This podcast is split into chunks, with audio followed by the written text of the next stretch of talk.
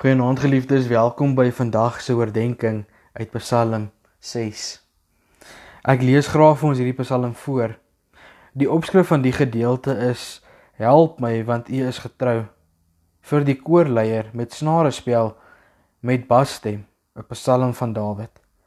Moet my tog nie in U toorn straf nie, Here, en my in U gramskap tugtig nie. Ontferm U oor my, Here, want ek kwyn weg. Maak my gesond, Here, want my liggaam is uitgeteer.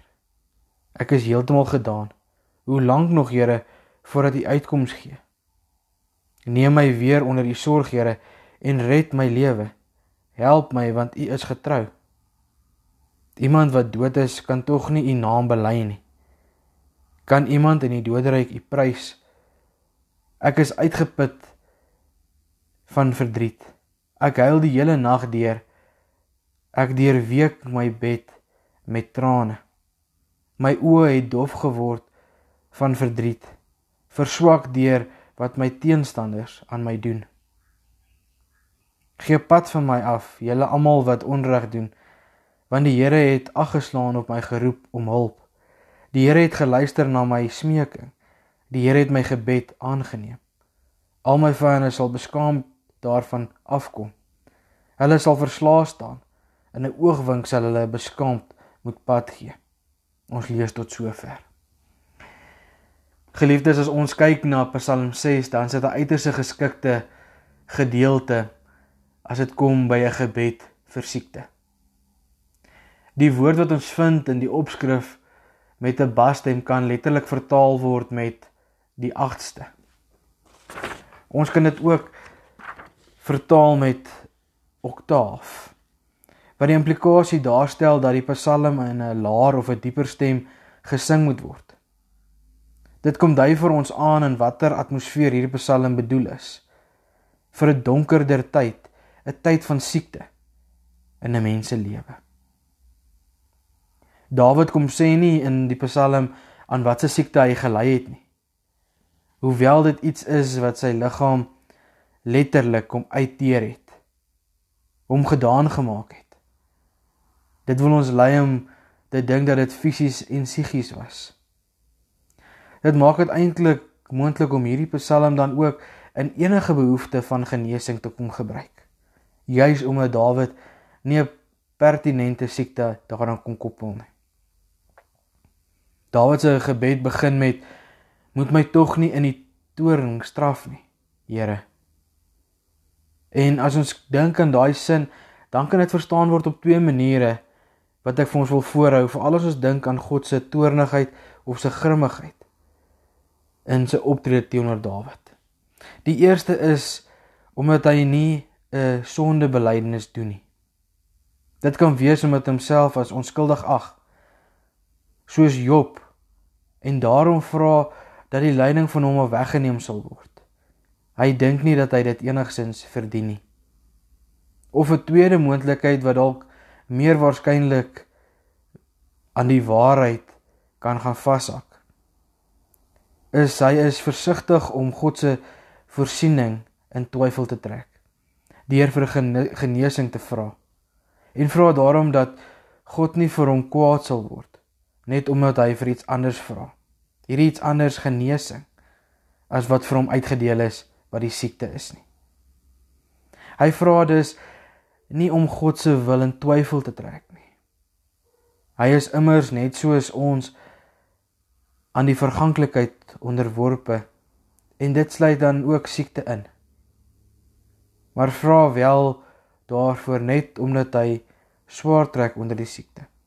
Hy moedeloos geraak het en nou op God se genade alleen kan staat maak. Geliefdes, as ons hierdie Psalm lees, dan besef ons dat genesing nie net van selfsprekend kan plaasvind nie. Maar dit iets is wat ons uit God se genade ontvang en vanuit sy genade vir ons gegee word. 'n Mens kan vir genesing vra en God kan genesing gee. Maar jy kan nie genesing afdwing nie. Dink hier ook aan Job se diepsinnige belydenis van wie God is wat sê God gee en God neem. Maar dan vind ons so hier amper in die helfte van ons Psalm die gedeelte waar Dawid sê hoe lank nog Here voordat U uitkoms gee. Hy pleit by God want sy bed swem letterlik in sy trane. Sy lyding kan ook in sy oë gesien word. Dit het dof geword. Sy verlie sy verdriet lei tot erge slaaploosheid want hy huil die hele nag deur. Sy ervaring is soos die van Job. Sy siekte word vererger deur mense wat teen hom draai, hom afskryf en dink dat hy kry wat sy verdiende loon is. Daarom dat hy uitroep dat hulle van hom af moet pad gee. En dan kom daar 'n wending in vers 9. Miskien met een of ander begeleiding van die koorleier of 'n tussenkoms van 'n priester in die tempel waarom God se ingrype geloof word.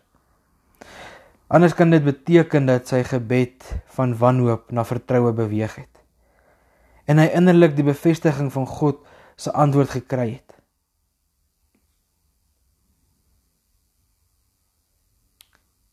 Hy slaan ag op God se ingrype. Hy loof hom voordat daar nog enige uitkoms en tekens van herstel sigbaar is.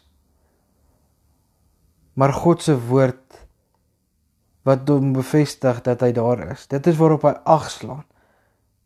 Terwyl Dawid in sy hulp geroep na God soek. In 'n oogwink getuig hy sal sy vyande beskaamd met pad gee en sal hulle die verslaandheid beleef. Want hy is in want wat hy in sy siekte ervaar het. Geliefdes, ons kan sien in hierdie gedeelte dat God getrou is. Hy kom gee uitkoms. Maar Dawid kom soek hom in gebed.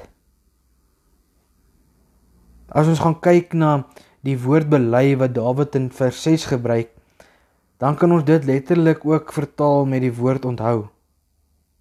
En dan kan ons daai gedeelte anders vertaal om te sê iemand wat dood is kan tog nie u naam onthou nie. Want dit is in die onthou van God en die getuienis oor hom wat die lof opgesluit lê. En dit is nie moontlik as iemand dood is nie. So ons hoor ook hier van 'n lewende verhouding met God. Dawid wat God kom soek in die lewe, al word hy deur die siekte oorval en bedreig en hy beleef werklik uitdagings dat hy homself tot 'n stilstand huil dat hy nie tot ruste kan kom nie. Kom soek hy God in gebed en wil hy die hoop hê dat God gaan uitkoms gee. Daai wanhoopigheid wat beweeg na vertroue toe. 'n Innerlike bevestiging van God wat antwoord. God wat na ons gebede hoor. Geliefdes, mag ons ook deur dit wat ons bedreig in die lewe volhard in gebed dat ons werklik God sal kom soek terwyl ons lewend is sodat ons gebed, ons getuienis kan oorgaan na lof toe. Omdat ons weet dit wat ons het, dit wat ons beleef, dit wat ons ervaar en dit wat God ons gee is bloot genade en dat ons dit nie kan afdwing nie maar dat God dit vir ons gee omdat hy dit vir ons wil gee. En daarom gaan Psalm 6 in die diepte oor genesing wat genade is. En mag ons altyd die bewus wees daarvan. Kom ons bid saam. Here ons dankie vir u woord. Dankie dat ons verder deur die psalms mag reis en nog 'n boodskap vanaand kan kry, Here, dat u vanuit u genade uit kan uitkoms gee.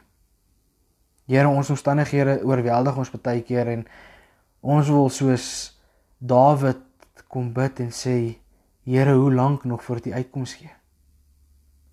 Ons wil moedeloos raak. Here want ons voel dit in ons liggame.